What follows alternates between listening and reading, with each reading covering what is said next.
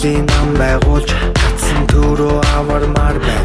Гамууд ихтэйгээ гуруула буухад сумар байна. Гинээс дээрэн очиж гараан таттал мушигдмаар байна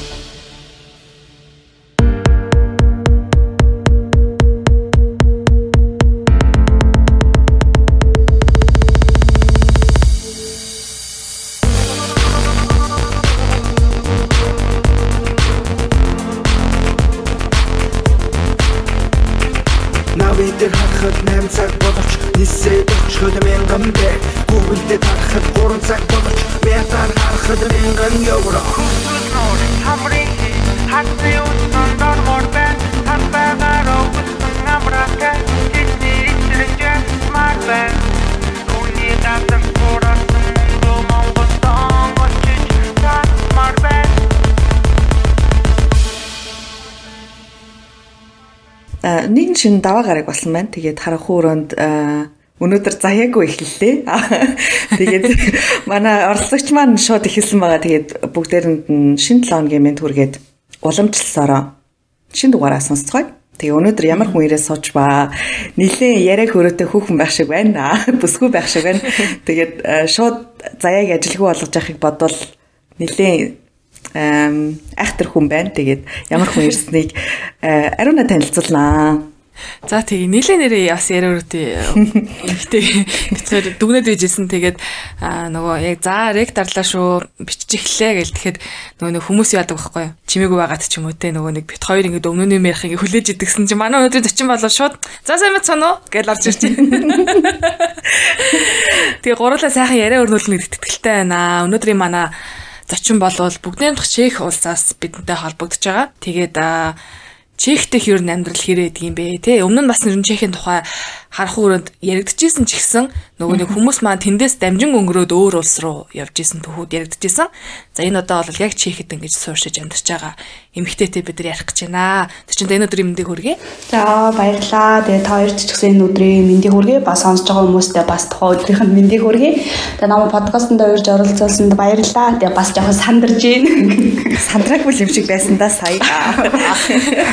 Татраа сандраг өгч гинөө өгч гинөө. За тэгвэл гурлын сайхан дасгалъя. Асуулаа гаргалаа. Бүр олон сандраагаар давж. За тэгээд уламжлалт асуудыг манай заяа асуудаг байгаа хамгийн ихэнд. А шууд л одоо тий яагаад Чех явах болсон бэ? Тий яагаад заавал Чех гэдэг улсыг сонгосон бэ гэдгээс эхэлмээр санагдаж байна. Тэгээд э, захиан дээрээ бит хоёрлог битсэн захиан дээр би өөр улс руу явах гэсэн. Тэгээд Чех руу явах болсон гэд битсэн байсан. Тэр шалтгааныг нь эхлээд сонсъё гэж бодож байна. За тэгээ анх 2017 онд Чех улсад иржсэн байгаа. Яг нэг сард 17 он гараад яг нэг сард нь анхандаа бол угаасаа яг Чех явъя гэж бодоагүй. Тэгээ Чех гэж ер нь ямар улс байдгийг ч ер нь бол сайн мэдэхгүй те. Тэгээ нөгөө Солонгос анх явъя гэд Тэгээ нөгөө Солонгос улс чи арай нэг дөхөм санагдал нөгөө кинон дээрээс хараад тэгээ сериал дээрээс хараад нөгөө нэг тэгэл тийшэл явчвал одоо бараг нөгөө нэг краш харчих юм шиг санагдал тий. Тэрүүсээрээ дөнгөж нөгөө нэг оюутан байсан өгч чад тиймэрхүү үе санагдал. Тэгэл анх би нөгөө Солонгос явах талаар хөөцөлдөөд тэгээд угаасаа би яг ингээ 2 дугаар курстэй сурж агаад тэгээд угаасаа л надад яг ингээ өөрийнхөө хүссэн мэрэгчлэр сураагүй. Тэгэл нэг тийм сонирхолж байхгүй. Тэгээд надад яг тэгээд тухайн үед яг ингэж бод за за би дими мөнгө үрээд те. Дими цаг үрээд байх шиг байна Тэгээ ер нь энийгээрээ сураад Монголдо ажиллах ажлын байр ямар вүлээ? Ер нь гэл бодоол за за ер нь л гадагшаа гарыг гэл ер нь бас л бусдын жишгээр те амьдралаа нэг дээшлүүлж залуу байна юм үдий нүд тайлъя гэл анх заяа гадагшаа гарах шийдвэрээ гаргаж байсан. Тэгээд яг анх хаашаа гарахаа юу мэдэхгүй. Тэгээ ерөн заа за солонгос гарыг гэдэг. Яг тухайн үед гэсэн чи яг тийм солонгосын бас нэг ажлын гэрээний тийм зар хараад Тэгээ тэрэнд нь бүртгүүлсэн бүртгүүлээд очоо яасан чинь ингээд бас нөгөө нэг хэлний мэдлэгний шалгалт өгдөг юм байна л да. Тэгээд нөгөө тэндээ тэнцэх юм бол одоо дараа дараагийнхаа шатанда ингээд ахиа явнаа. Яг нэг шалгалтаа өгчөөд тэгээд нөгөө хариу нь гарах хугацаа бас ингээд яг тэр дороо гарахгүй нэлээд хугацааны дараа бас ингээ хариу нь гардаг ингээ хүлээгээ байж байгаарэ.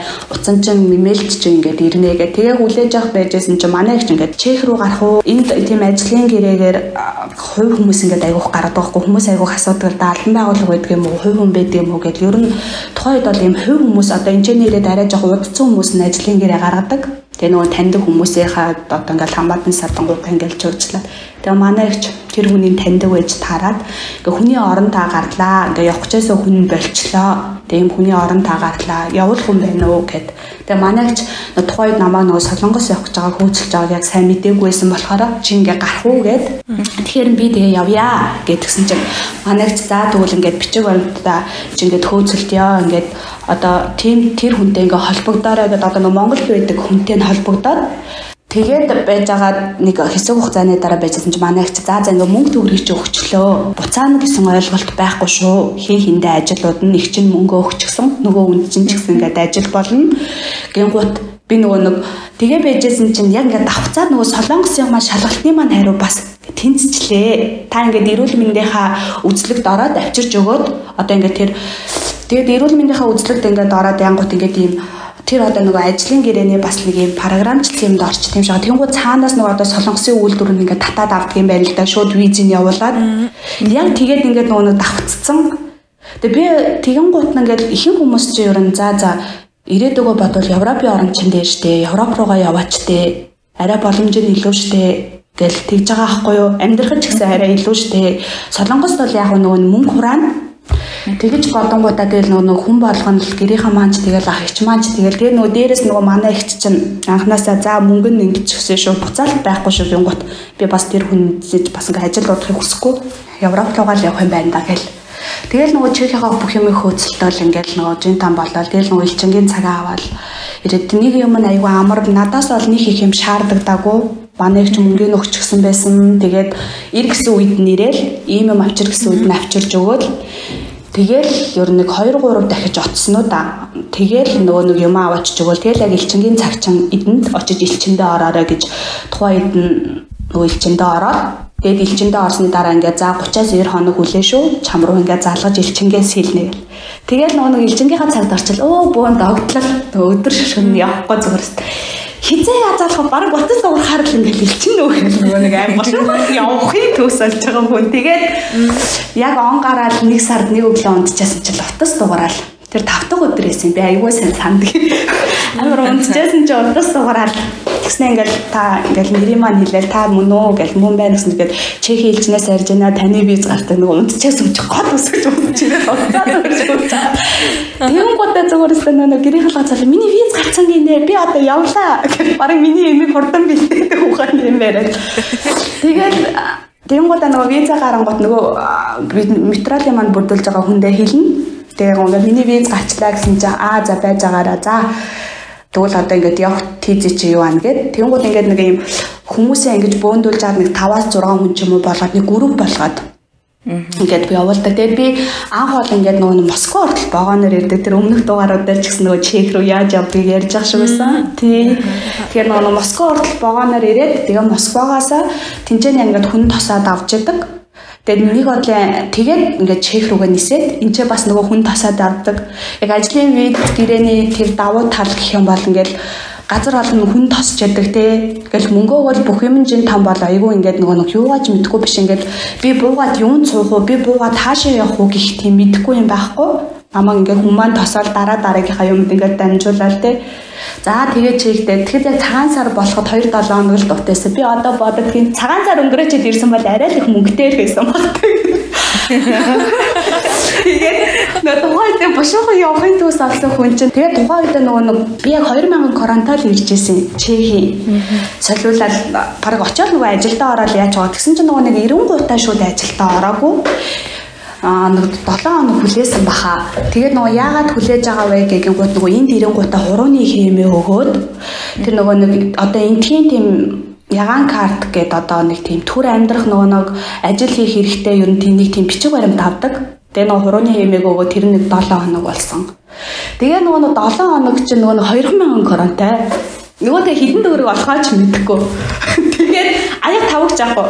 Анх ирэхэд хүмүүс яг нэрээ тэгдэг. Тэр нөгөө нэг шведдээс ихчийн блог дээр ярьж байсан шүү дээ. Тогоо халуун тоогоо авчраараа, будаа агшаагч авчраараа. Юм авчраад надад бас тэгж хэлжсэн. Гот нь би тэгэж бодож байсан. За яашгаа юучгүй газар очих гэж байгаа биш дээ Нөгөө нэг 2000 корона бас их юм л авна гэж бодож байсан юм шиг байгаа. Очоод аяа тав тоогоо шанаг авчиж штэ. Тэгээ анх би ингээд нөгөө нийтийн байранд ирж байгаа байхгүй.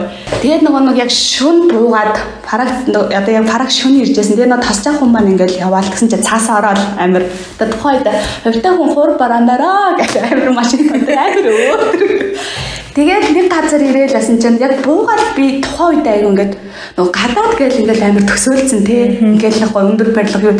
Тэгсэн чинь ингээд нэг сонин тийм тосхон гэх юм нэг сонин газар ирсэн. Тэгээ гайхаад нөгөө шүнээсэн болохоор за за маргааш өдрөм гараад би ойр хавтагаа танилцчихсан да ухааны юм бодоод маргааш нь хаашаа гараа аль зүг рүү явахаа ч мэдэхгүй шүү дээ. Ясан дээр дэлгүүрээ хаанагаа ч мэдэхгүй. Тэгээд хүмүүс нь ажилдаа ингээд яваад өгсөн. Би ганцаараа үлдчихэж байгаа байхгүй юу? А тэгсэн чинь намайг анх Монголоос гарч манай гэр хэжээстэй нэрэ хулгайчд их байдаг. Одоо нийтийн байранд очиж байгаа боловчноо олон мэдхгүй танихгүй хүмүүстэйс тань найл гарахтаа хүртэл өрөөгөө түгждгийн гадаад паспортаа биенээсээ бити салах марлах галзаа юу. Тэнгууд нөгөө тухайн үедээ би яг тийм сэтгүүнээрээ ирчихсэн. Тэгээд нөгөө найл гарахтаа чаалах төгж модоо гарч ирдээ чаалгаа ингээд оголоод тэгээд нөгөө дараа нөгөө нэг одоо тэр нийтийн байрны хүмүүстэй ингээд дотносоод ингээд танилцаад ирэн ш. Тэгэд яг тийг ярьжсэн. Анх чамайг ирээд гайхажсэн гарахаараа хаалгаа тажигнууд түгж байл. Тажигнууд юм болоо. Тэгээд би нөө дараа нэг хэлчихсэн байхгүй харин намайг явахад манай ээж ав гэрийнхэн маань харин тэгэж захижсэн юм уу. Тэгээд нөгөө ирээл угаасаа энтхийнхээ амьдралд асаад Тэгээ ирсэн чинь нөгөө нийтийн байрны мөнгө гэж бас авдаг. Надад тэр маань ч байхгүй. Тэгэд ерөөсөө яг ингээл Германы мөнгө 2000 коронтод ирчихсэн. Тэгэл аяг тавгч байхгүй. За яг тэгэл нөгөө 2000 коронда ингээл ой зүрх юм аваад тэгэл нэг юм амьдрч л байгаа юм. Тэгэл ажилдаа 7 хоногийн дараа орлоо. Тэгэд яг нөгөө тэгсэн чинь би ч 10 жил мэл оюутан байхдаа өглөө болсон надад амар хүнд Юу? Өглөө 8 цагаас босч хичээл явах маань надад ингээ амар хэцүү байдгүйсэн чи энд ирсэн чи үүрийн 4 цагт. Oh my god. Би бүр ингээд яаж босох юм бэ гэж амар боддгоосэн. Тэгэл өөрийн 4 цагт босоод ажилдаа явж исэн да. Тэгээд би анх ажил дээр очиод тэгээд нөгөө нэг яг ямар ажил хийхээ мэдэхгүй Тэгээд ингээд ирж зүгээр л надад тухайн үед тэр гадаад гарах нь л гоё болохоос ч очиод би ямар ажил хийх үү, яах үү гэх надад тэр тэр тийм юмны мэддэггүй ерөөсөй байхгүй. Зүгээр л гадаад явна гэсэн догтлолтой хүн. Тэгээд ирээд ажил дээр очиод шоконд орчихлаа. Тэр гэрэн дээр яг тэгэж тийм ажил хийн, ингэн гэж л ерөөсө зааж өгдөггүй мүү та анханасаа ажлын гэрээ хийхтэй. Надад бол анх тэр виз гарч ирэл тэр гэрээ мэрээ сонирн биш тэрийг нь ягталж уншаагүй байдгийг. Уг нь байсан юм уу те? Ингээ ойдлын үйлдвэр гэж бичээстэй байсан байлээ. Тэгээд энд ирсэн ханаа л мэдсэн байдаг.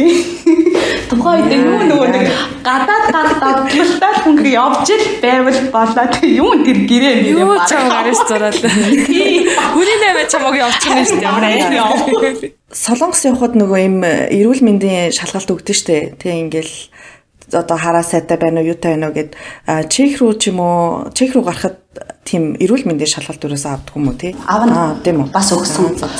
Ер нь хамгийн том юу нь бол сүрээ. Ягаад гэвэл чехууд чинь энэ нөгөө нэг хэдэн он чимд айгу сүрээгээр хайгуу хүмүүсээ алжсэн болохоор сүрээг ер нь бол хамгийн том тийм одоо юу эрүүл мэндийн шалгалт гэх юм уу? Тийм байдаг юм бэлээ. Энд ирснийхэн дараа ч гэсэн дахиж автан авдаг.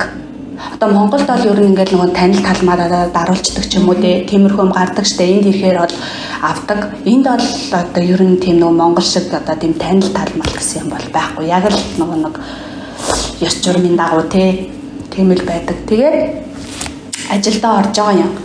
Тэгсэн чинь нөгөө нэг ажилдаа яг ингээд буухаас өмнө одоо ингээд клиник гэх юм уу одоо дадлагжих 14 хоногийн хугацаа өгж байгаа байхгүй нөгөө оёд. Тэгсэн чинь ингээд зогсоогоороо ойдог.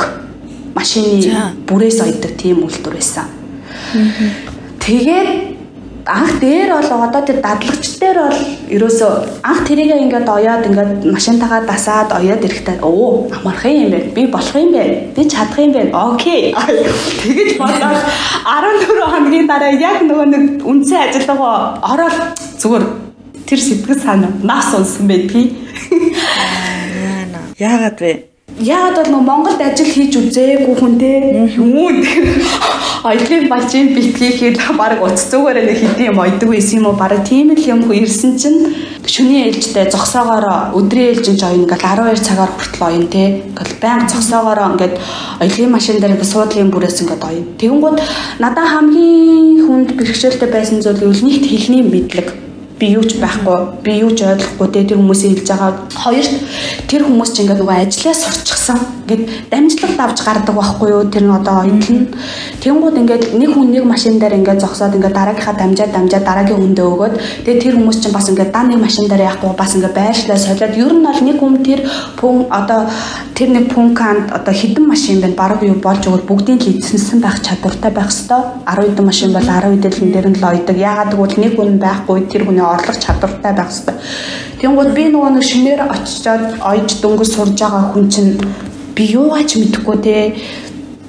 Тэнгууд тэр чинь ингээд ганцхан ажил байхгүй өөр өөрөө ажил орно өөр өөр өнгийн утсаар оёно гол нь Тэнгууд би нөгөө өнгөөч мэдэхгүй Тэ ямар өнгийн уцаар ойхонд ямар нь ямар өнгийн гэдгээ ч мэдэхгүй яаж ойхоо ч мэдэхгүй. Надад тэр нь амир тэнгууд нөгөө ажиллаа сурцсан хүмүүстээр оронгууд чинь тэр хүмүүс чинь зүгээр хийх ёстоймоо хийж байгаа л дорн дорн уяал. Би тэгтэл ингээд нөгөө ажлыг уяаж байгаа юм шиг тэ ингээл нөгөө ер нь бол надаас олоод ингээл дараагийн ажил ингээл явахгүй байх чинь тухайн өдрийнхөө нормыг гаргахгүй байх жишээ нэ. Тиймэрхүү асуудал ихэнх үед бол амар гарсан. Дээр тэрэндээ ингээл амар бухимдал стресстэй тэгээд ингээд нөгөө зогсоогоор ажил хийхээр амар хөл өвдөн. Тэгээ шүүн ирээд унтаад ингээл нөгөө хүлээж их гэхээр ингээд нөгөө яг тууш хөлийн одоо булчаан гэх юм шилдний шүрмэс татчихна. Тэгээд заримдаа уйлаад тест шантрах үе бол байсан. Эхнэндээ бол нөгөө нэг дасгаад нөгөө дасаж чадахгүй баг би хаана ирчвэ баг те нөгөө догтлол иржсэн хүн чинь баг нэр би буцхууд баг тийм л юунтай болчихсон байсан. Тэгээд тэгээд дээрэс нөгөө ингээл алдаа ярангууд намайг загнана Тэгээд би нөгөө өөрөө би ингээд бишгээд нөгөө өөрийгөө ойлгуулад хэлж чадахгүй амар стресстэж бохимддог байсан. Тэгээд нөгөө яаж яат манаа тэр одоо нэг хариуцан ахлах гэдэг хүн бүр амар ааш муутай. Тэр бүр яа. Бүр нүүрлүүгээ тэр ойжээс юмараа шахуурдуулж хүртэл үзлээ. Тэгэл заримдаа ажил дээр уйлах үе хүртэл гарна шантраад. Тэгэл тэр ажил дээр ч хүмүүс ингээл гараа ойдог ч үе юм. Би хүртэл гараа ингээл нөгөө эдлийн машиныхаа зүүн ингэж ойж байгаа л сэт татаал айсандаа сэт татчихсан үеч байлаа. Тэгэл нөгөө цусн гоожол тогтохгүй тийм үе юм уу байдаг.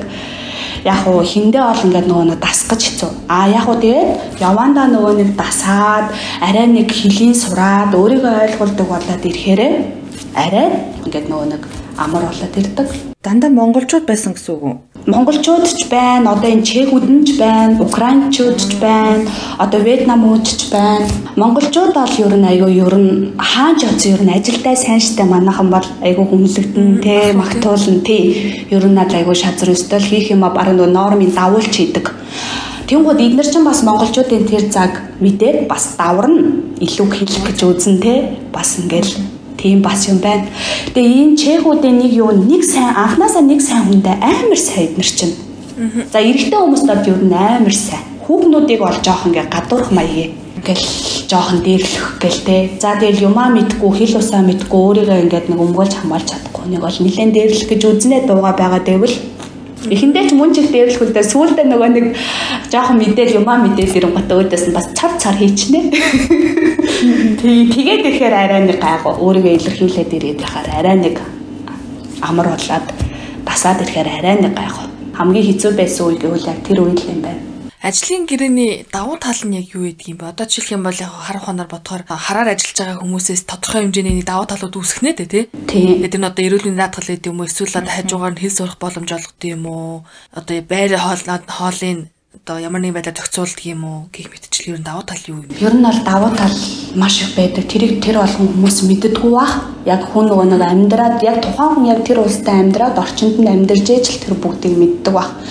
Ер нь танаа ингээд өмнөх өмнөх подкастуудаа сонсоход ихэвчлэн л ингээд дамжин өнгөрсөн. Нэг бол тийм цагаачтай. Тэнгууд ажлын гэрээгээр ирж байгаа давуу тал нэгт чамааг ингээд бүх юм чи ингээд хөөцөлтөд өгж ин тээ чамд мөнгө ч л байх юм бол хоёрт одоо ирэнгууд чамаа хүмүүс ингээд тасаад авчижээ. Байх байрыг чинь бэлтцсэн байж, ирэхэд ажил чинь бэлэн байж тэ? Хэрвээ чи хийж чаднаа л гэх юм бол. Тэгээд 6 сарын дараа чи хэрвээ ингээд ажилчин чамд хүнд цалинчин баг байх юм бол чи ажлаа солих эрх нь байдаг өөр ажил руу шилжих. Тийм ирхэн байдаг. 6 сарын дараагаас чи үр хүүхдээ татаж авчрах. Одоо бүр эмчэнэ би сургамаар байна те. Би эмчэнэ хүүхдүүдэд ачуураар байна. Тийм ирхэн нэгдэн. Нэг бол 3 сарын урилга явуулах ирхэн нэгдэн. Тэгээд 6 сарын дараагаас ер нь маш их боломжууд нэгддэг. Хүмүүс айгүй ер нь бол ихэвчлэн хүмүүс хүүхдүүдэд айгүй авчирдаг. 6 сарын дараагаас ажил нь үнгээ таалагдахгүй тэгэл ажлаа сольчихно Тэгээд өөр ажлын гэрээдээ байхын давуу тал гэх юм бол одоо ингээд улсын үйлдвэрт ингээд ороод ажиллах юм бол эрүүл мэндийн даатгалыг чинь ингээд ажил дээрээс чинь төлдөг. Яг нь чиний цалингаас тодорхой хэмжээний хувийг авч л байгаа л да. Гэхдээ эрүүл мэндийн даатгал төлж ийн гэдэг чинь биднэрт амар давуу тал. Ягаад гэвэл бид нар ингээд өвдөөд очоод Монгол бол даатгалаараа ер нь үзүүлж үнгүй хэвтний үнгүй юм аавна гэдэг бол хэцүү шүү дээ. Энд бол тийм биш бид нар даатгалаар очоод үзүүлээд эмнэлэгт хэвтгэд үнгүй бидрээс төлбөр авдаггүй. Тэгэн гот одоо тэгээд ингээд би одоо ингээд даатгалдаа тэгээд би одоо одоогоор бол би ингээд гэртээ байна. Ээж. Тэгэхэд би одоо ингээд гэртээ сууж хахад би адилхан л энд байдаг шиг цалингийнхаа тодорхой хэмжээнд цалинг аваад сууж байдаг. Гэртээ гэсэн үг байна шүү дээ. Тий. Миний даатгалыг одоо ингээд үйлдвэр төлөөл явж байгаа. Ер нь бичиг баримттай ахын давуу тал, ажлын гэрээний давуу тал маш их. Яг нь зарим үйлдвэрүүд бол одоо хугацаагүй гэрээтэй жийдэг юм уу? Зарим үйлдвэрүүд нэг жилийн гэрээж өгдөг юм уу? Заримуд нь 2 жилээр сунгадаг юм уу? Ингээ сунгаа сунгаа явдаг байхгүй юу? Одоо 2 жил болоод виз чинь туслаа дараагийнхаа сунгалтыг хийгээрэй ч гэх тэгдэг юм уу те? Тэгэд үйлдвэр а хэрвээ чи ингээл ажиллаа хийхгүй эсвэл ингээл маш их акталдаг, ажил тасддаг байх юм бол үйлдвэр бол ер нь гэрээ сунгаж өгөхгүй дараагийн сунгалтын дээр жоохон новширдаг. Тэгээд ингээд уулж одоо ингээд ажлын гэрээгээр ирлээ акттай байлаа чи ингээд өвдөд актлна. Актлахад тодорхой хэмжээний цалин бас мөнгө сар болгоо авч л идэг. Би ингээ өвчтөд гэртээ сууж ийн гэхэд ингээд актны мөнгө авч л идэг. Тэгээ манайхан бол актлал өстэй илүү цаг нөгөө нэг цагийн ажил хийгээл уг нь бол хуулиндоо болохгүй гэтээ манайхан тэгээ явж л идэг. Тэгээ маш их давуу талыг яривал зөндөө байна. Одоо жилд 25 хоногийн цалинтай амралт идэг байхгүй юу? Тийм. Тэгээ тийм амралтаа аваад тэгэл амралтаа аваад зуны амралтаар бол хийж хүмүүс айгүйх Монгол явдаг. Тэгээд ядчил бичиг баримттай яг ингээл ёс журмын дагуу ажлын гэрээгээр ирчихэж чи энд ингээд бичиг баримттай олчиж гин жолооны үнэлгээ авчиж гин тэ.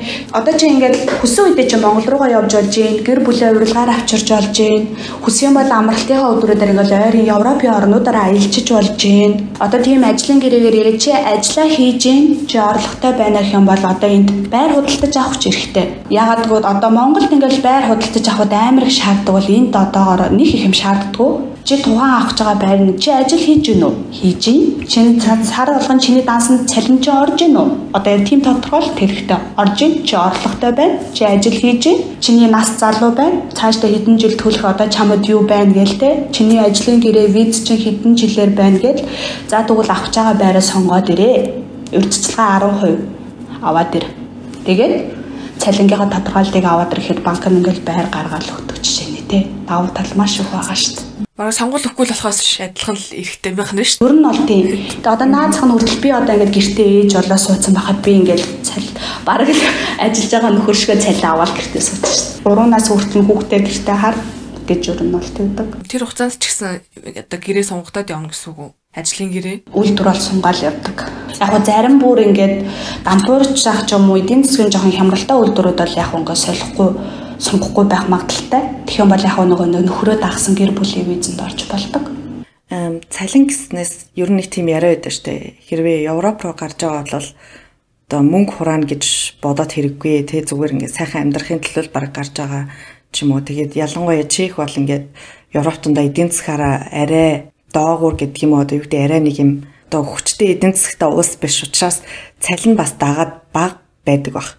Цалин ер нь үйлдвэрт ажилладаг хүмүүс хэдэг авдаг вэ? Тэрнээсээ Монгол явуулах боломж байдаг уу? Эсвэл ямар нэгэн байдлаар мөнгө хураах ч юм уу? Бид нэр ер нь л нэг тийм зорилготой ирдэ шүү дээ. Нэг гэрлөөхөө мөнгө явуулчих ч юм уу? Эсвэл нэг хідэн цаас хураач гэсэн. Тийм юу нь ямар ялгаатай вэ? Яг нөгөө нэг Чехийн эдийн засагч нөгөө еврогоороо биш те яг өөрсдийн гэсэн нөгөө Чехийн корон гэсэн мөнгөнд дэвсгэр дээр явдаг. Тийм болохоор яг ингээд евро руугаа шилжүүлээд бусад Европын орнуудаа бодох юм бол яг уу цалин бага. А гэхдээ бусад улсаа бодох юм бол одоо энэ нөгөө хүнс юу гэдгээ те өртөх нь арай бага. Яагаад гэвэл нөгөө корона дагаад өртөх нь бага. А яг хүмүүс мөнгө хурааж болох уу гэж айгүйх асуудаг. Тэр бол өстой хувь хүнээс л шалтгаалх баг цуглуулж байгаа хүмүүс байдаг. Явуулж байгаа хүмүүс а хэрвээ чи явуулахгүй би зүгээр өөрөө энэ чанаа хангалуун амьдарч байна болж байна. Окей, болно. А би цуглуулмаар байна. Яг бүр нөгөө нэг Солонгос Азийн орнууд шиг те Япон Солонгос шиг амар тэгж хураахгүй ч гэсэндээ тодорхой хэмжээний хураана. Ер нь бол энэ Чехэд бол хүмүүс айгүй 50 амьдрий хүүхдийн эрхийг одоо тэгээ эрүүл хүнс хэрэглэе 50 амьдрий гэж өрнөрдөг. Ядчил энд одоо ингээд 10 жилд одоо бичиг ингээд 10 жилийнхаа хүүхдүүдийг ингээд авчраа сургалаа. 10 жилдээ энд одоо танаа үг сурцсан байлаа гэхэд оюутан болоод төлбөргүй их сургуульд ордог байхгүй. Хүссэн мэрэгчлэрээ яв. Чи үнэхээр шалгалтын нөгөө тэнцэх юм бол хүссэн сургуулаа хүссэн мэрэгчлээ аваад төлбөргүй те тех мэдчлэн байдаг. Яг уу мөнгийг аягаа хүмүүс асуудаг. Бус орныг бодвол яг уу муу баг. А гэхдээ Монголд байснаас арай л дээр. Барагцаа гарыг хэдэн евро вэ? Хэрвээ нууц биш бол барагцаагаар За тэгээд нөх хүн болгоны цалин өөр. Яагаад гэвэл чи ажиллаа хэр хийж гин. Тэгээд тэр нөгөө нэг мастрын үнэлгээ, ахлахын үнэлгээгээд ороод ирдэг байхгүй юу? Тэр хүн үнэхээр ажиллаа сайн хийжээвэл мастер ахлахын үнэлгээ нэмэгдэх юм бол цалин сайн авна. А эсвэл чи ингээл ажиллаа тасддаг те ажиллаа хийхгүй тухайн үедээ ингээл ер нь ажил дээр ингээл за цагийг яаж өнгөрөөх өвдөө тэгэж мэдж байгаа хүмүүсийн цалин муу. Ер нь бол за би яг ингээд евро руу шилжүүлж үзэж байгаагүй юм байна. Гэтэ ер нь бол нэг одоо 20-с дээш 20-с дээш мянган короны цалин авна. Нэг гэрээ нэг нь авч чинь гэдэг чинь хоёр гэрээ хүн бол нийлээд нэг 50 60 за арай 60 хүрэхгүй юм? Тэр гот энд ингэдэг байхгүй хүмүүс ирээд мөнгө явуулна ингээд тэгдэг те. Энд нэг давуу тал нь ирээд зээл авч болдог. Чи 6 сар ажиллаад чи орлоготой бол банкнаас зээл авч авдаг. Яг уу одоо болохоор тэр зээлийн юу нь бол багасчаад байгаа. Анх бол бараг 500 мянган короны зээл авдаг. Тэр нь одоо Монгол бүгөө бараг 50 сая мая ч юм уу те. Анх ирсэн хүмүүс бол бараг тэгж аваад гэрлүүгөө бүүнд нь явуулцдаг ч юм уу те. Нэмүр тэнгуудаа тэрнийхээ сар болгоны хүүг энчэнэ өөртөө цалин дээрээс төлж идэг те. Тэгдэг тийм юу байдаг. Хүү багтай байх нь ш тэнд байр олооч гэсэн юм. Тий, ядчил одоо тэгж мөнгө хурааж чадахгүй бол зээлээ аваад нэг мөр явуулчих тий. А тэгэн гутаа одоо тэрийг энчэний бид нар ингээс сар болгон цалин дээрээсээ төлж оё гэх тийм юм байдаг. Тий. Яг уу одоо л яг уу тэр юу н одоо нөгөө одоо нөгөө зээлийн юу н одоо замстай визтэй хүмүүсийнх бол багасчаад байгаа юм билэ. Өмнө нь айгүй хүндэр өгдөг байсан. Манайхан өөрсдөөсөө болж багасгуулсан юм шиг зээлээ аваад явдаг те хайчдаг төлөхгүй тиймэрхүү шалтгаанаас бол. За гурлаа ер нь сайхан давуу талуудыг их ярьлаа тий. Одоо ингээд ер нь бол хүмүүс за ер нь гарчхаасаа гэж бэлдсэн сууж байгаа дээ. Тэгээ одоо суул талын бас ярих хэрэгтэй байх гэж бодож байна. Мэдээж амар амархан бол байгаагүй бах түрүү ярьсанчлан одоо ажлын ачаал гэдэг ч юм уу эсвэл суралцах зүйл замир их байсан гэдэг ч юм уу тий. Тэрнээс гадна яг юу хамгийн түрүүнд анзаагдчихсэн бэ? Йоо, за Монголдо байжсэн дээрч байж үү гэж бодож исэн үе юу гарч юу? Надад бол хүмүүсийн харилцаа хандлага ялангуяа хэл мэдгүй байх үед те одоо нөгөө нэг Аз гэдэг хүн бидний хардаг те гадаадууд гэдэг тэгж харах одоо тэр нэг үнцэг ялангуяа коронавигоос хойш бол ер нь лээ. Ялангуяа эндхий одоо тийм хөгшин үндэсэрхэг хүмүүс нь бол ер нь гадаад хүмүүсийг амар тийм зүгээр метронд ингээд сууж яхад те валаган сууж яхад дунд дурууга гаргаа явж идэх хөх шүү өнөр хүртэл байдаг шүү. Тийм үү? Одоо хүртэл үү? Зүгээр тийм байдаг. Зүгээр ингээд суугаа явж яхад те зүгээр дунд дуруу нурууга гаргаж эсвэл хараад байлж явдаг. Тиймэрхүү өвөө юм энэ байдаг шүү. Залуучууд гэхээс илүү ер нь өвөө юм энэ тийм. Тийм. За тэгээд хэл мэдэхгүй бол тэр нөгөө одоо энэ тэнд байгаа хүмүүсийн харилцаа нь жоохон хэцүү. Тийм үед л яг за нэг өвдөж зовсон үе ч юм уу те яг нэг тийм хилний бэрхшээлтэй үед л ёо өөрөө их орондоо байсан бол өөрийнхөө хэлээр ярихгүй юу гэл яг нэг тийм л үд төрдөг юм да. Анх бол ирэхэд бол амар хэцүү нөгөө ойдл ажил энэ төр гэл одоо л яг нөгөө дасчаад байгаа болохоор бас гайгүй те. Тэгээд бид нар ч одоо яг ингээл нэг л газар ер нь бол гэхдээ ингээд одоо ингээд одоо сонсож байгаа үзэгчд маань бас энийг маш олон чихээс үзэж байгаа хүмүүс бас байгаа л. Гэтэ ясам дээр ингээд нөгөө монголчууд хит их байгаа газар ясам дээр одоо тэр нөгөө чигүүд байгаа хайрцаа нь бүр дор байдаг. Юу гэсэн үг вэ? Монголчууд их байгаа нөхцөлд чехүүд монголчуудтай харьц харьцаа өөр гэсэн үг зүг ойлгосноо тий? Тийм, жоохон муухай харьцаатай. Яаж юм бол тэр нь өөр хэлээр ядахаар уур нүрд юм лөө. Окей, манайхан өөртөө л жоохон бүдүүлэг. Одоо бүдүүлгэн цаашаа юм дээр ер нь зарим нэг болж бүрдэхгүй те гэд нэг асуудал тарьдаг хүмүүс бэ штэ. Одоо тэг бүгд л юм сайхан байна гэж байхгүй. Тэгээ ер нь тийм асуудал тарьдаг хүмүүсээс болоод одоо дургу болчдөг ч юм уу те. Аа энэ монголчууд хэрэл ингэж л яадаг гэдэг ч юм уу те. Тийм нөгөө нэг ер нь айлч улсад байдаг бах. Нөгөө манайхны нэг юм нэг юм даврун нэг юм зам байдаг штэ. Тэрнээс болоод тийм юу бол байдаг. Жохон олон нийтийн газар ороод ингээд нэг юм үзэлтэд ороход хүртэл өөдөөс амар жохон онцгүй харьцах жишээ нэ тий.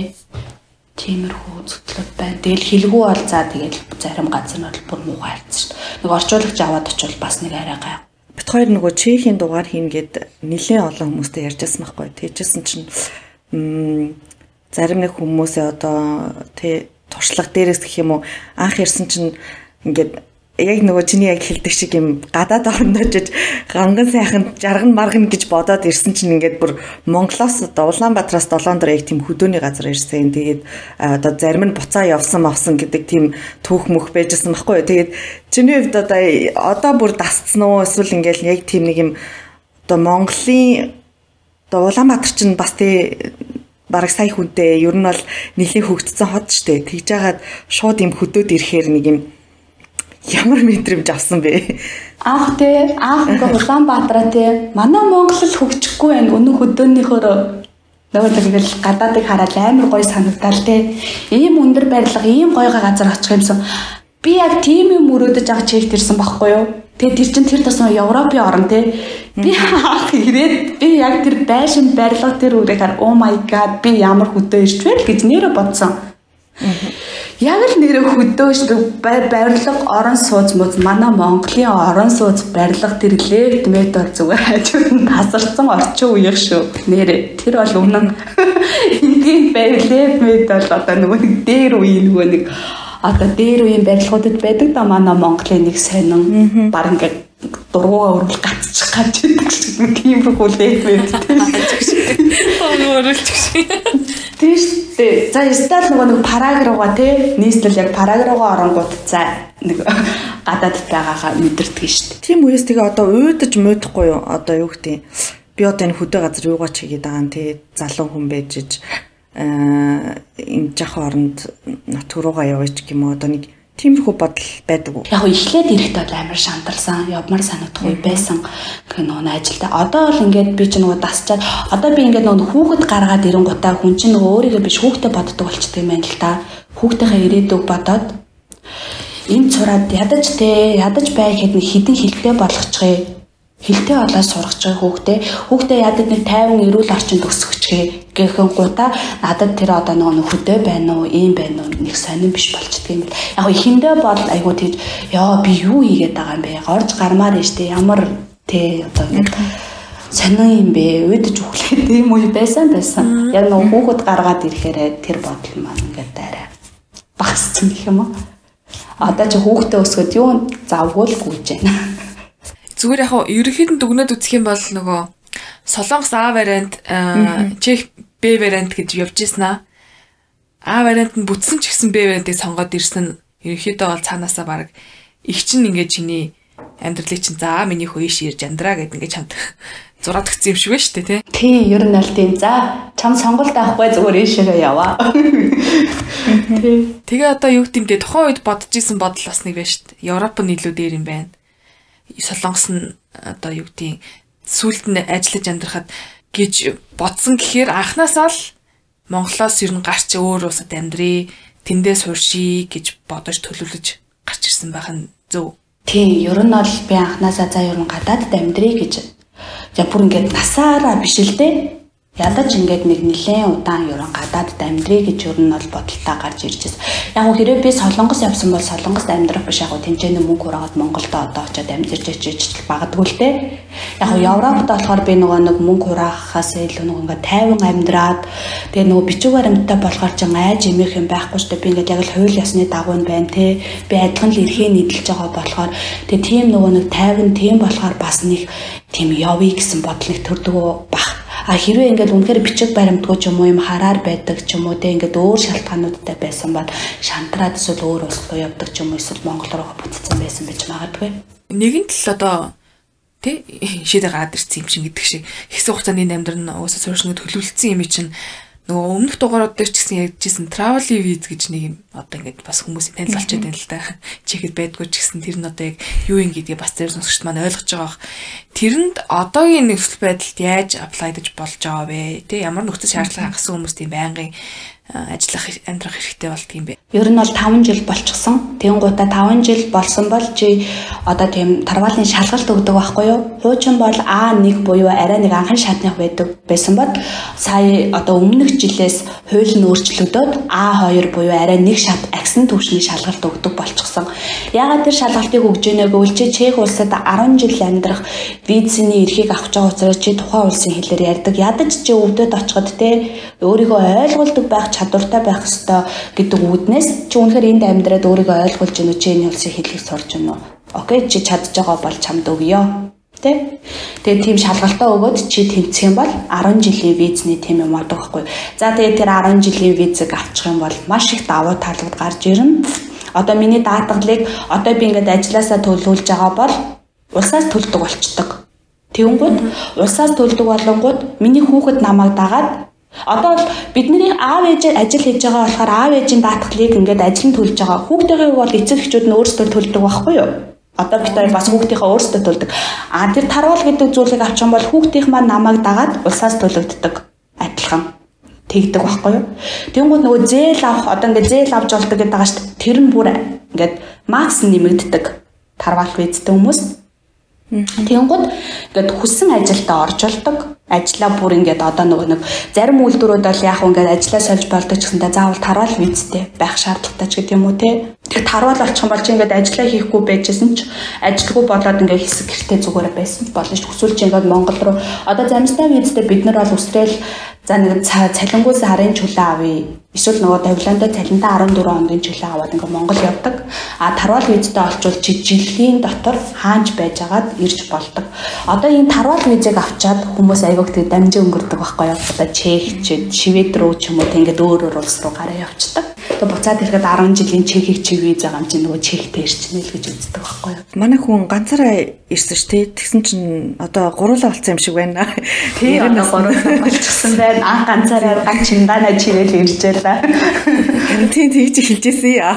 Тэгээд дараа нь одоо нөхрөө татсан уу? Татсан юм уу? Эсвэл нөхөртөө болсон гэсэн үг үү? Юу гэсэн гэсэн үг үү? Нам манай нөхөр надаас төрүүлээд энд одоо ирсэн ажиллаж бид хоёр энд ирээ танилцчихсан.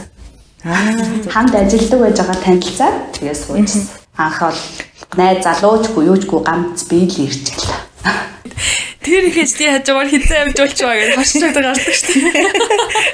Амжилт тийм дээ шүү дээ. Нөгөө нэг хүний нутагт ганцаардаад гэдэг юм уу те тэгээд нөгөө нэг хурдан хүнд дасдаг ч гэдэг юм уу те нэг жоох ингээд халамжлаад ирэнгуут нь зүгээр баг бушиг хочоод наалцчихдаг юм уу те. Тэгээд тийм хэвчээр гороолаа болцсон юмсан. Чехт хүүхэд төрүүлэхээр хүүхэд нь э, чехийн иргэншил гэсэн юм авдаг уу одоо эсвэл нэг 3 жилийн виз ч юм уу янз бүрийн одоо тийм давуу тал нь юу байх вэ?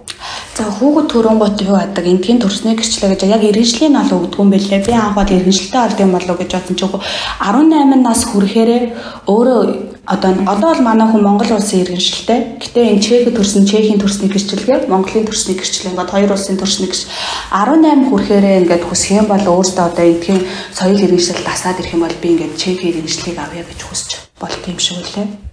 Тэгэд эндхийн хүүхдүүд хүнд чинь ер нь хүүхдээ ирэх бас айгуу дээгүр штэ. Ер нь бол хүүхдээ ирэхийг амар эрхэмлдэг те. Хэрвээ ингээд аав ээж ингээд улсаас чамд мөнгө өгөөд хүүхдээ хараа гэд ингээ мөнгө өгч байгаа чи ингээд эсвэл одоо ингээд хүүхдээ ингээд нэг гимтэж ч юм уу те одоо нэг түлчих ч юм уу тэгэж мэгээ тийм асуудал гараад хүүхдээ ирэх зурчих юм бол улс нь шууд хураагаад авах хэрэгтэй байдаг.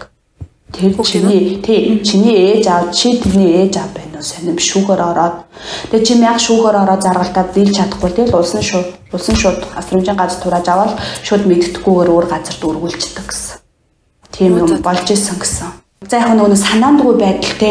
Эсвэл бүр ингээд одоо хүүхдэд зодод нүддэг ч юм уу те. Хүүхдийн хүчирхийлэл одоо гэр бүлийн хүчирхийлэл тиймэрхүү юм манаас те. Яг үнэхээр ингээд санаандгүй те.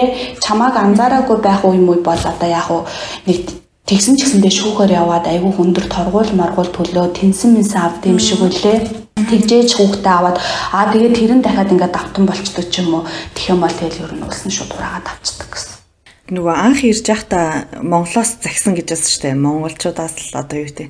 Монголчууд хулгайч шүү тий хамаг юм чаачлаараа ижлээрээ гэл. Тэгэл э, түрүүн ч гэсэн ярианд нь бас дурддагчээс нөгөө олон Монголтой газар бас дими байдгаа гэд. Ер нь одоо яг Чехэд нэлийн их монголчууд байдаг байх. Одоо хоорондоо яг ямар байд юм бэ? Нэг юм ам байд юм уу? Эсвэл үнэхээр тэр нөгөө яриад байдаг монголчуудаас хол бай гэдг нь үнэхээр үнэ юм уу? Яг яагаад тэгээд байд юм бол? Ер нь энд ирсэн хүмүүс бол ер нь ах トゥ хамаатан садны айгууг татдаг. Аа. Тийм. Тэгээд л ер нь хамаатан садан ах дүүнэртэйгээ л дотно. Яг нь мэдээж ингээд дотнох найзлах хүн байна, найзлахгүй хүн байна. Тэгээд өстой л нөгөө нэг хувь хувь хүмүүсийн нэг характер одоо байна штэ тий. Эсвэл ингээд зарим нь ингээд арх уучаараа агсардаг төрлийн тийм хүмүүс хүмүүс тий. Эсвэл ингээд муухай одоо ер нь бол тийм хулгай хийдэг хүмүүс ч гэсэн байж л байгаа штэ ч одоо муулж байгаа биш яг бодит байдал нь те ер нь тиймэрхүү зүйлээс болоод л ер нь ер нь одоо энд ч гэсэн тэгдэгч хүмүүс яа монголчуудтай газраас хол бай Үгтээ тэгдэг. Тэгэл ингээд заримдаа ингээд гудамж ч юм уу ингээд одоо ингээд яг параг мараг том нийслэл мэслэлд ороод ингээд хаана Монгол хүнтэйгээ таарахаар хүн чинь баярлаа мэдлэл. Хөө зарим хүмүүс яг үнтэй мэдлэлтгүй шүү дээ. Сайн байна уу гэдээ дуурахаар хаж. Тэр хүн яг ингээд дуурахаар би тэр хүн миний өөдөө сайн байна уу гэдээ дуурчаар би тэр хүнээс гоох гайгүй болохгүй гол нь. Зүгээр ингээд сайн байна уу гэд мэдлгүй тийм үг байдаг дээ. Тэгээ заримдаа тийм эвгүй байдалд орохоос тэгээ сүултээ за зааз баг дуураач тийм дуурахаар бас дуурдаг шүү Бараг тийм юутай болчихдаг шүү дээ. Ер нь аль гэдэг Монголтой газраас хол бай, монголчуудаас хол бай. Манайхан тэр тэг хүн болгон тийм биш. Мэдээ тэр татч байгаа амьдралаа яах гал байх гал байж байгаа хүмүүсийн дунд нэгэндээ гай болоод тэг нэгнийхээ одоо ингээд амьдралд ингээд гай болоод нэгнийхээ ингээд боломжиг булаадаг хүмүүс байдаг байхгүй юу? Тийм хүмүүс мэрсэр бол байгаа. Тийм. Тийм болохоор тэрнээс нь болоод л хүмүүс ер нь бол тэгдэг л. Тэгээ манайхан бол ер нь монголчуудын нэг зан юм шуга зөвхөн бий л болж ивэл болоо. Ер нь нэг тийм бодлоосоо болоод л манайхан тэгдэг юм болов гэж би боддөө шүү дээ. Бусдыгаа боддог бол одоо монголчуудаас хол бай гэхгүй л ах нөгөө бий л болж ивэл бусд нь хамаагүй гэсэн тэр бодлоосоо болоод л одоо хаа газар тэгдэг юм болов гэж боддгоо шүү дээ. Чигтх монголчууд ер нь хөвчлэн юу гэж амьдэрдэг юм бэ? Одоо миний сурж байгаа болохоор нэг 2 3 дахь генерашн баг данд жимдраад ах шүү аа тий эхлээ гарцсан нөгөө монголчууд нөр хүмүүс авчаа. Зарим нэг нь бол бүр ач зээн гарч ирээд ингээд сургууль соёлдоор явж ах шиг анзаарагдаад идгийн ааха ер нь ихвчлэн ямар ажил хөдөлмөр хийдэг вэ? Эсвэл сурдаг нэг юм уу? Хүнтэй сууж амьдарч байгаа нэг юм уу? За ер нь бол энд бол ингээд нөгөө би чегэд бол ер нь хараар байгаад нэг цагаачаар байна гэж хүн бол ер нь сонсож байгаагүй яг байдаг л ах. Гэхдээ тэрдэн айгүй цөөхөн байдаг баха. Би бол бус орныг бодвол тэгэж бодож байна. Ер нь бол ажлын гэрээгээр ирсэн хүмүүс тарвал визтэй болсон хүмүүс нь амар хэд. Одоо дээхэн үед бол тарвалыг шалгалт биш чи 5 жил амьдралсан бол гэж шууд өгдөг байсан гэсэн Одоо тухайн одоо л ийм шалгалт одоо нөгөө нэг тийм визтэй хүмүүс нэгтэж мэгтэж ч юм уу тэгээд одоо шалгалт өгдөг болчиход байгаа юм шиг байгаа. Тийм болоо нөгөө бичиг баримттай хүмүүс чинь тэгэл нөгөө ёстой л нөгөө нэг ач гучин гарцсан сургууль соёлд явцсан тийм хүмүүс л их байна да. Тэгээд ер нь бол ихэвчлэн үйлдвэрийн ажил байна. нөгөө улсын том том чекч ер нь айгүй тийм том том үйлдвэртэй одоо тийм Германы, Америк, янз бүрийн улсуудын нөгөө хөрөнгө оруулалттай үйлдвэрүүд их байдаг болохоор үйлдвэрүүдэд айгүй хүмүүс ажилдаг да ер нь бол тий ер нь нэг цагийн ажил хийдэг хүмүүс амар ховор янз бүрийн тэр том том ер нь төлхөө машины үйлдвэрүүд их ажилдаг баг. Үйлдвэрт ажиллаж байгаа дараа нь одоо сургууль сурах боломж байд юм болов? А сургуулийн үе тэр нөгөө наснасаа хамаарад чи үнэхээр сурахыг хүсэж байгаа бол сурч болдгийн юм шиг байлаа Яг би бол яг өөрөө тэгээ судалж үзэж байгаагүй. Тэр гэхдээ ингээд ажиллаад ч юм уу өөрөө зохицуулаад ч гэдэг юм уу те ингээд сурж болох боломж бол байдаг юм шиг байлээ. Сайн хөөцөлтөд ингэх юм бол 10 жилийн дараах өөрсдөө одоо яг юу гэж харж ин таагүй яаж амьдарч байгаа болоо чектэй хэвээрээ байгаа болоо эсвэл Европын өөр нэг орн руу гарцсан байгаа болоо эсвэл бүр Монголд байгаа болоо Монголд бол байхгүй л авах гэж боддог. Чектэй байж ч магадгүй айл эсвэл Европын айл нэг орн руу бас тэр нөгөө тарвал гэдгээ аваад явчих чинь билүү те. Энд одоо сүүлийн үед бас айгүй хүмүүс энэчнээс Америк руу виз мэдүүлээд Тэр нь гэдэг нөгөө аяллийн виз. Тэгээ очиод хүмүүс чинь аяллийн виза бас анд. Тэр гэдэг хүн болгонд гардаг биш ганц хоёр хүмүүс асууж асуудаг юм бэлээ. Мэддэг юмнасаа хуваалцъя. Америкийн визэг мэдүүлж болно. Аялын визэг мэдвэл а гэтээ зарим нь азан тааруул анхны оролтон дээр гарна, зарим нь 3 4 ч орно. Эсвэл гарахгүй ч юм. Тэр зөвхөн тухайн хүний аз. Гараад хүмүүс аялын визээр 6 сарын аялын виз авч Америкт очиод очоо визний ангиллаа өөрчлөөд эсвэл тэнцэнэ ингээд виза яаж зохицуулаад үлддэг хүмүүс бол бед мэрсэр байдаг юм бэлээ би саяхнаас мэдсэн. Тий. За буруу юм заадаг шүү хүмүүст. Бүгдээ Америк явсан. Гэтэ тэр бол хүн болгонд гарна гэсэн ойлголт байхгүй. Тэр бол айгу ховор хэрвээ ингээд хүн болгон шуураад байдаг бол одоо энэ чек дээрээ байх юм байхгүй л ах байсан баг. Бид нар хүртэл гараад явчих л байлаа. Тэгээд виз нь гарахаас гадна виз нь гарчаад Америкийн хил дээр очиж виз ер нь бол өгд юм байлээ. Тийм болохоор виз нь гарцсан гээ шууд одоо юу гэдэг Америк явлагын хамаг юм чирээдсэн чи хил дээр нь очиод бас буцах ер нь бол боломжтой юм байлээ. Эсвэл чамд 14 хоногийн юу ч дарж өгнө, 6 сараарч дарж өгнө. Ер нь дээдл нь 6 сараар л дардаг гэсэн. Тэгээд тэрнээс доошо Зарим нь бол бүр оруулдаг гэсэн хил дээрээс очиод хил дээр очингууд нь айгүй юм шалгаадаг гэсэн. Яах гэж яваа юм? Ямар хэрэгээр яваа юм гэлтэй. Тэр чинь бас ёс журмын дагуу байх хэвээр шууд ингэж явъя бас явчихгүй л те.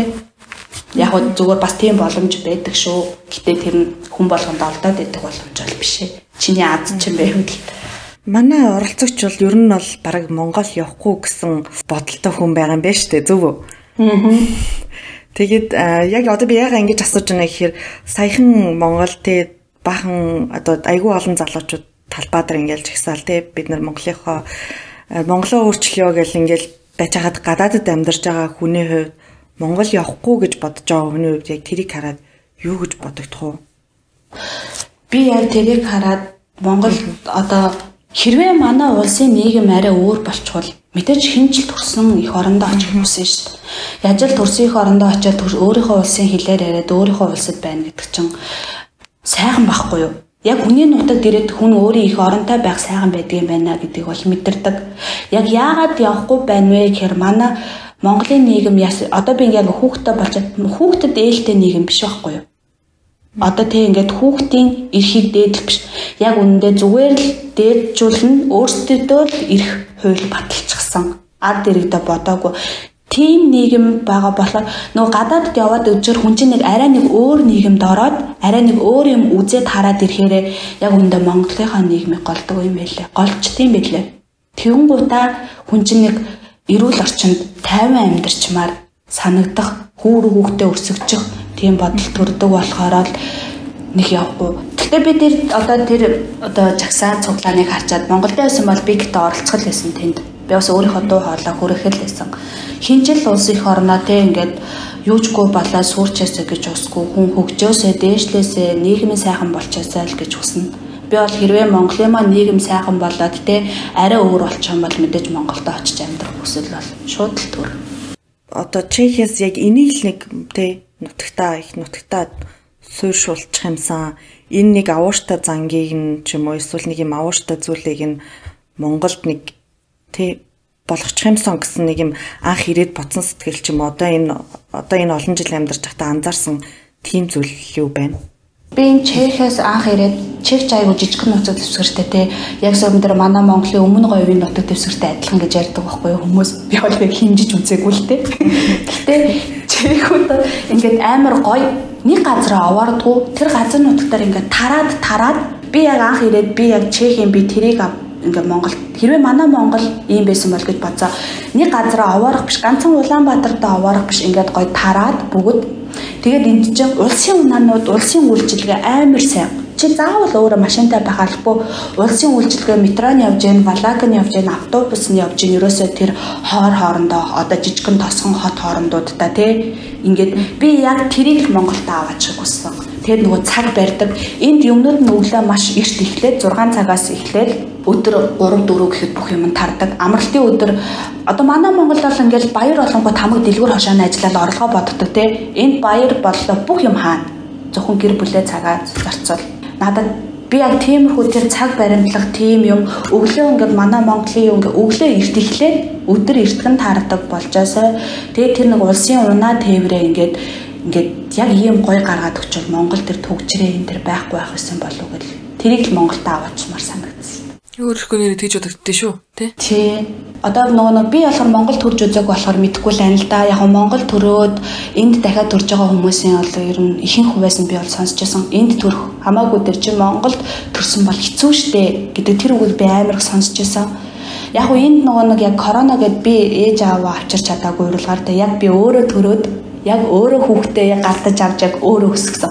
Монголд бол одоо бид нар чи ээж байна те гэж хажууд эмээ өвөө маань ч гэдэг юм уу бид нар тусдаа энд бол яг өөрөө чи хүүхдээ өсгөх яг ингэж өсөд юм байна гэдгээ мэдэрсэн. Тэгээ дээрэс нь эмнэлгийн тэр одоо нөгөө нэг орчин эмчнэрийн юу нь айгуу сайн шүү Тий. Одоо ма би ингээд яг Монголд өөрөө нөгөө төрж үзэж имлэг рүү н орж үзэг болохоор мэдэхгүй л зүгээр ингээд Facebook сочиалгаас харахад ингээд тэр ор мор тэр төрхийн юу нэ арай л арай л гомдмоор санагц. Надад бол ээ арайч тэл гэж.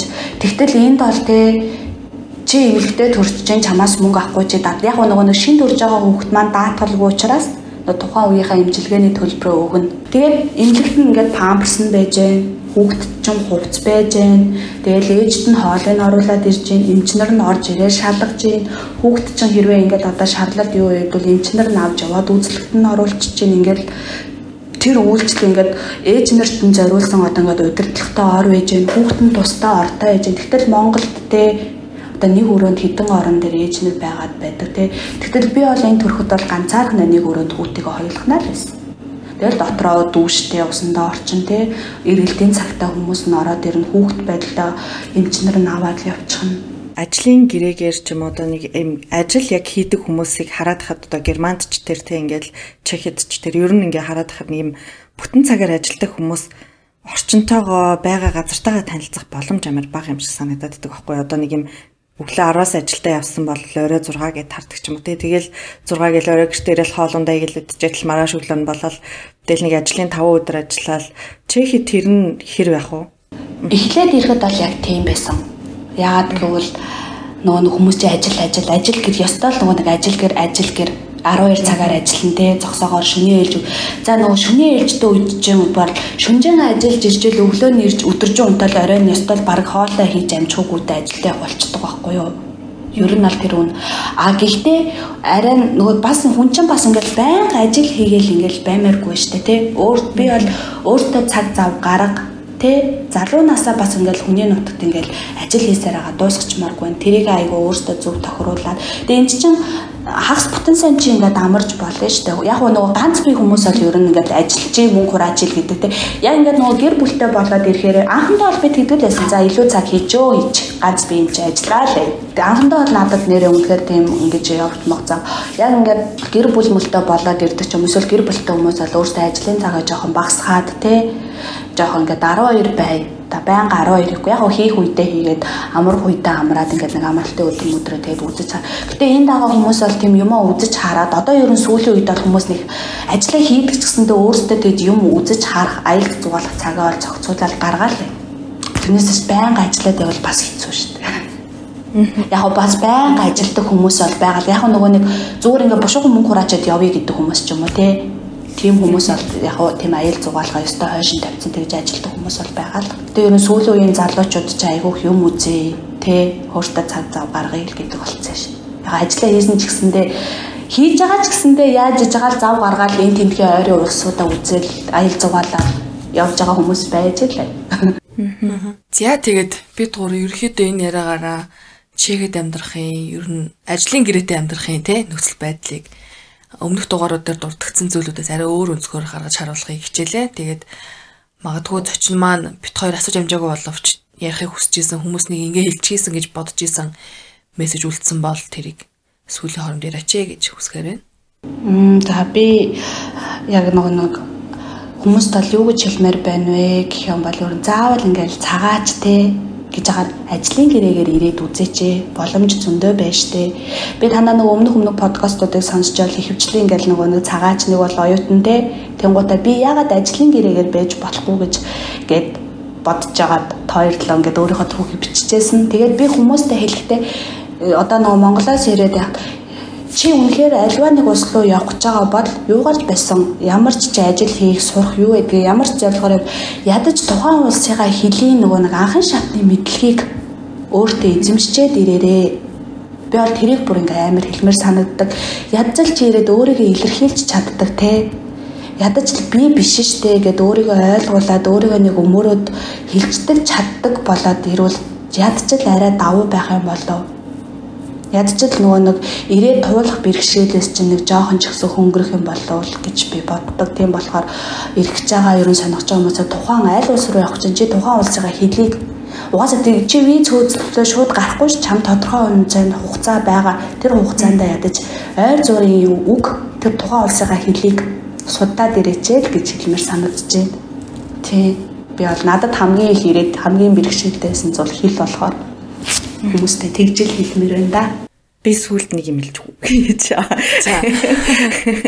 Э надад айгүй нөгөө юу санагдаж байна айгүй авууштай тий ийм цагаачаар ирэхээс одоо ажлын гэрээгээр ирэх нь цагаачаас ирэхээр ирэхээс илүү давуу та тал нь Монголын иргэншил гэдэг маань ингээд байсаар байгаа учраас одоо зүгээр би байнгын виз авч байгаа тий оюут нар ирэхэд ч гэсэн ингээд эндхийн байгаа орчин улсынхаа байнгын визыг аваад нэг юм иргэншлээс солих ч юм уу эсвэл тэр улсын иргэн болох одоо худалдаагаар өөрийгөө мэдүүлэх юм нэг юм шаардлагагүй Монгол улсын иргэн гэдэг пас маань байгаад байгаа болохоор тэр ингээд айгу надаа айгу гой санагдаж байна. Тэгээд э, маш олон одоо ирэх байгаа ч юм уу тий чек рүү одоо мэдгүй хаарлах байгаа ч юм уу ямар ч нэгэн байдлаар одоо цагаач магаж орох байгаа юм байл боломж байл ажлын гэрээгээр гадагшаа гараад тэг юм үзчихэд буцаад Монголдо ороход очиход бас зүгээр юм болов гэж бодлоо. Тэгээд энийг одоо хийлж болох байсан үгүй юу?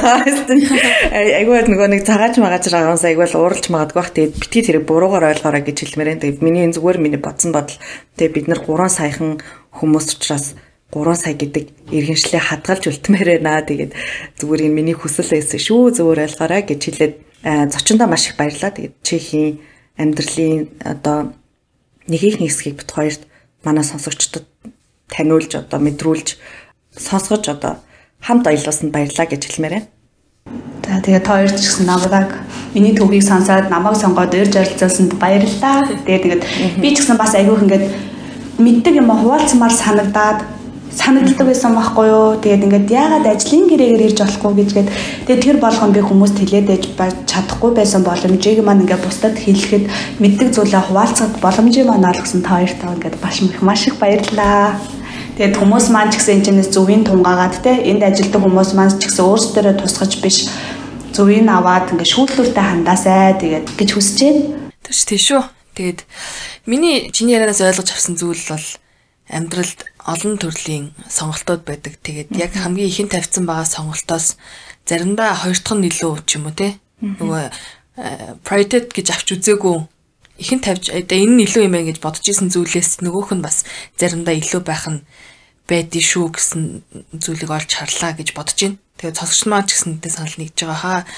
Ер нь амьдрал ер нь юу ч тохиолдож болно. Тэгээд зөв зам угаасаа л гарч ирд юм байна гэсэн бодол төрлөө. Тэгээд энэ дугаарыг маань сонс энэ хүртэл сонссон сонсогчдаа маш их баярлалаа. Та чинь 7 хоногт Оо, нөмийнхнээсээ эхлэх марцсан байж тээ. Тийм шүү дээ. За тэгээд энэ 7 хоногт хамт байсан та бүгдэнд бүгдэнд нь баярлалаа. Э, Герман улсын Мюнхен хотоос Заяа. Ариун хоёр та бүхэнтэй хамт байлаа. Мөн зочин маань бүгд найдах чих улсаас та бүхэнтэй холбогдож ярилцлаа. Тэгээд та чинь даваа гарагчин дугаараар уулзлаа. Түр баяртай сонсогчдоо. Баяртай. Баярлаа, баяртай.